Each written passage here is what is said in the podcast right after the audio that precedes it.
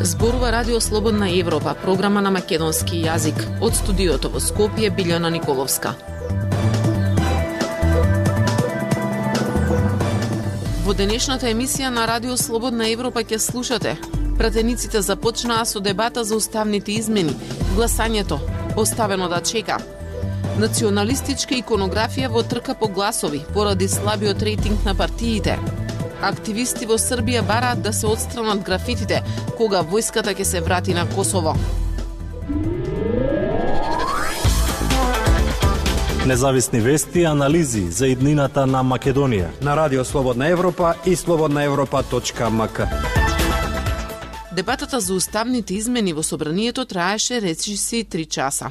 Гласање немаше. Тоа дополнително треба да биде закажано. Премиерот вели дека мотивот за уставните измени е влезот во Европската Унија. Опозицијата, која се противи на измените, не сака патот за Брисел да води преку Софија. Дебатата ја следеше Пелагија Стојанчова. Уставните измени не загрозуваат ниту едно идентитетско македонско прашање, ниту пак се правени под диктат на никого, рече премиерот на Северна Македонија Димитар Ковачевски на седницата во собранието за уставните измени.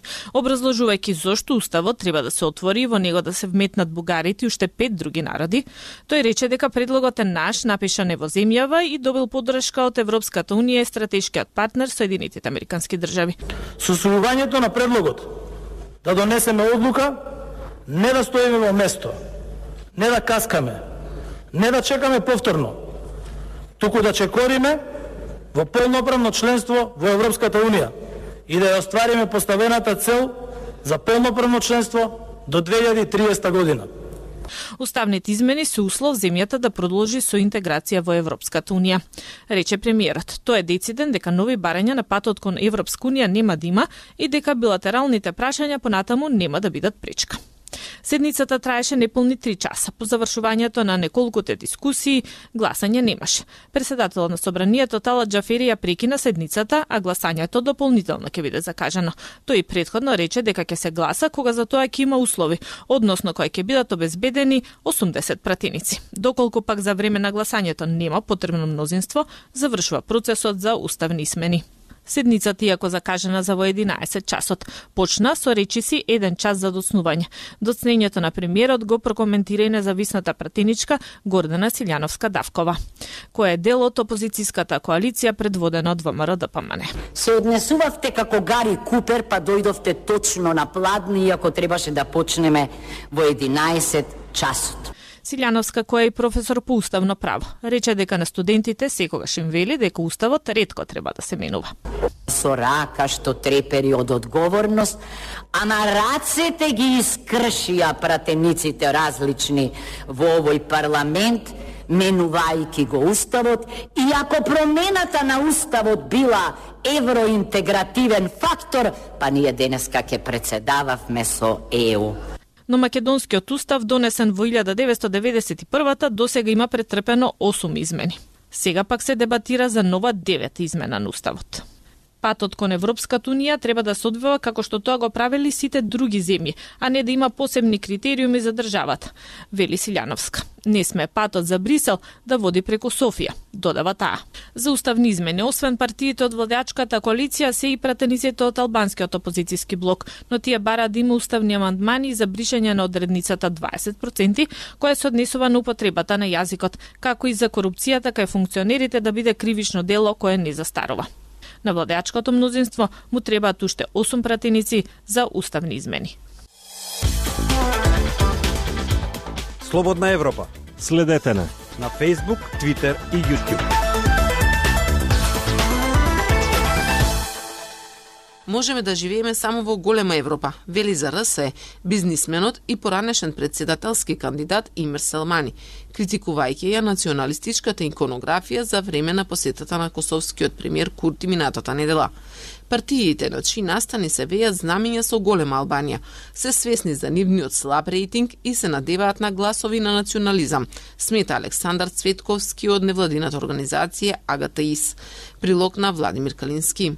Националистичката иконографија со знамења на така наречени големи држави никому не му носи добро, ниту на политичарите, ниту на граѓаните, вели бизнисменот и поранешен председателски кандидат Имер Салмани, коментирајќи го настанот од минатата недела во Тетово, кога при посетата на косовскиот премиер Албин Курти се вееше знаме со карта на така наречената голема Албанија. Мислам дека тоа беше изолиран еден случај во кој што една иконографија во кој што јас еве како како албанец, етнички албанец, не не не не не ми не ми представува некоја порака према мене, затоа што секој свесен и совесен граѓанин не само на Република Македонија, туку и на Косово и на Албанија знае дека ние сме земја членка на НАТО.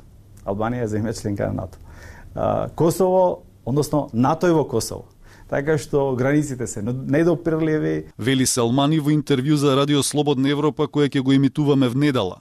Салмани кој беше председателски кандидат во 2009 година, кога освои околу 150.000 гласови, од кои околу 40.000 од етнички македонци, рече дека идеите за големи држави не се можни, туку дека свесните и совесните граѓани знаат дека може да има само една голема Европа.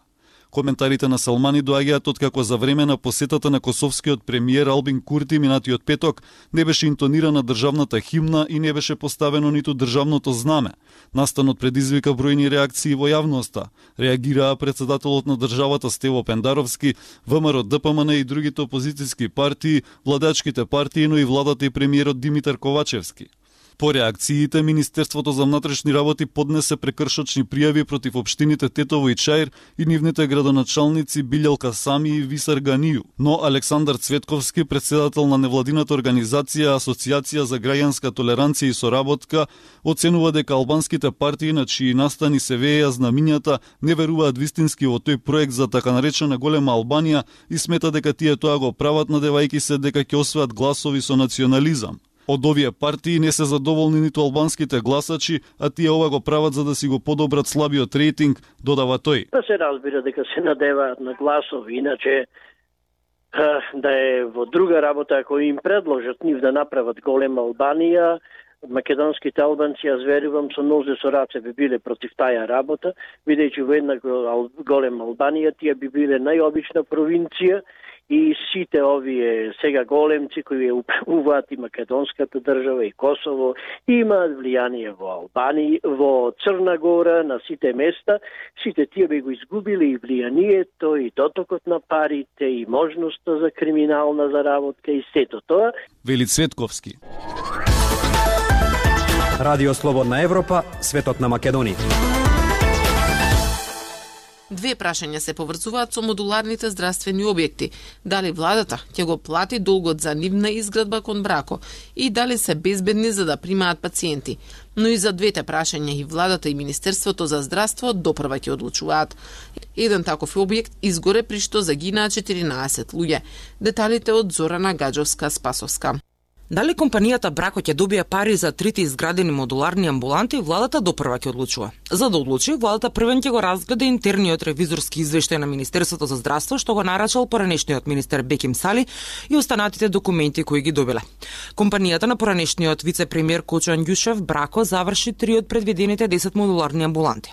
Долгот се однесува на три модуларни амбуланти кои се под ингеренции на Здравствен дом Скопје, се поставени во скопските општини Ново Лисиче, Бутел и Ѓорче Петров. Проектот беше стопиран откако изгоре модуларната болница во Тетово во 2021 година. Компанијата Брако ја тужи државата затоа што не биле исплатени парите за веќе изградените три модуларни амбуланти. Тие не се платени. Бидејќи имаше бивши министри и така натаму почнуваа да се а, на политички теми препокуваат со своите наследници. Министерот, предходниот министер за здравство има нарачено ревизија. Таа ревизија е доставена до владата, заедно со документите кои што се однесуваат на неплатените модуларни болници и сметам дека врз основа на сите тие документи, дека владата, меѓутоа плаќањето на преостанатите ќе може да биде извршено, ова е мој став, кога ќе бидат завршени сите правосудни постапки. Изјави на 17 август премиерот Димитар Ковачевски. Предходно актуелниот министер за здравство Фатмир Меджити на 13 јули година одговарајќи на новинарско прашање посочи дека при средбата со представниците на компанијата Брако е договорено спогодбено да ги исплатат парите. до луѓето од компанијата, власниците, значи се договоривме да ги тргнат каматите спогодбено, за да се плати тој износ, тоа што имат изградено, тоа што е во ред, а за другото да се тргнат од тоа што го барат и тоа го поминавме вторникот во влада како информација, значи и за тоа добивме поддршка.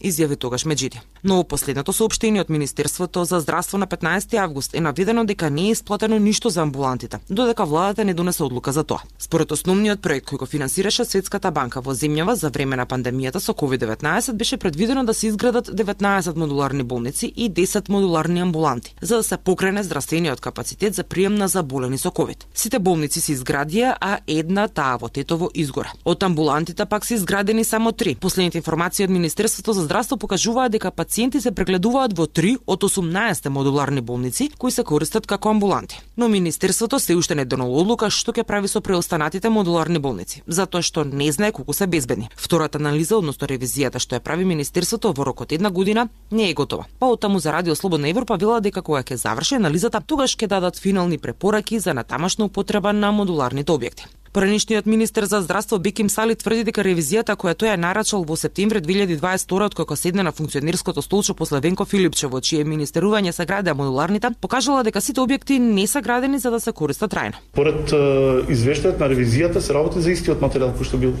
користен кај сите објекти. По документарниот филм Истражувачката репортерска лабораторија за пропустите во изградбата и причините за пожарот во Тетовската модуларна болница во која загинаа 14 луѓе, се отвори прашањето за тоа дали и колку се безбедни останатите модуларни болници кои беа поставени во 16 градови. Актуелности свет на Радио Слободна Европа. Белград е преплавен од графити кога војската ќе се врати на Косово. Невладината Крокодил и Младинската иницијатива изјавија дека графитот го цртале главно навивачите собрани околу навивачката група Делие Север, белградскиот фудбалски клуб Црвена звезда. Деталите од Емил Златков. Група активисти за човекови права во Србија ги повикаа властите веднаш да реагираат поради честото појавување на графити кога војската ќе се врати на Косово. Овие надписи, под кој е нацртано знамето на Србија, почнаа да се пишуваат во Белград и градовите на Србија од јули. Тие се реакции на фактот дека активистите за човекови права избришаа таков графит во центарот на Белград во февруари. Денеска овие активисти поплавата од нови графити ја оценуваат како зголемување на говорот на омразата. Сведоци сме на огромно зголемување на говорот на омраза. Од друга страна гледаме нула реакција од државата, изјави Милена Бериќ од Сдруженијето Крокодил. Во февруари активисти организирани од Крокодил и невладината организација Иницијатива Млади за човекови права го избришаа графитот кога војската ќе се врати во Косово, во паркот на Белградскиот пошта Славија. Потоа на крајот на јули, истите графити се појавија на повеќе локации во Белград и градови низ Србија. На еден од каналите на TikTok беше објавено видео со графити нацртани на различни локации, пишува дека тие се појавиле за инет на западните платенички активисти. На видеата на TikTok и Telegram, младите мажи кои ги пишуваат графитите имаат маскирани лица. Младинската иницијатива и Крокодил соопштија дека во периодот од само неколку дена во текот на јули низ цела Србија били испишани повеќе од 50 графити од 40 квадратни метри со надпис кога војската ќе се врати во Косово. Писателот Владимир Арсениевиќ од Сдруженијето Крокодил изјави дека е важно да се растури пораката кога војската ќе се врати на Косово. Тој истакна дека не се работи за стих од народната песна Јачмен жнеело косовско девојче, туку за низината верзија објавена во 2011-та во книгата на Амфилохија Радовиќ, поранешниот митрополит на Црногорско-приморската српска православна црква. Песната беше претворена во милитаристичко оплакување за враќањето на војската на Косово, рече Арсениевиќ. Крокодил и младинската иницијатива изјавија дека графитот го нацртале главно навивачите собрани околу навивачката група Делие Север на белградскиот клуб Црвена звезда. Графитот кога војската ќе се врати на Косово не е подпишан. На телеграмскиот канал Дели и Север во објава од 15 август беше наведено дека графитите за враќање на војската на Косово украсиле многу зидови низ Србија и ќе продолжат да ги красат. Ја слушавте емисијата на Радио Слободна Европа, програма на македонски јазик. Од студиото во Скопје со вас беа Билјана Николовска и продуцентот Дејан Балаловски.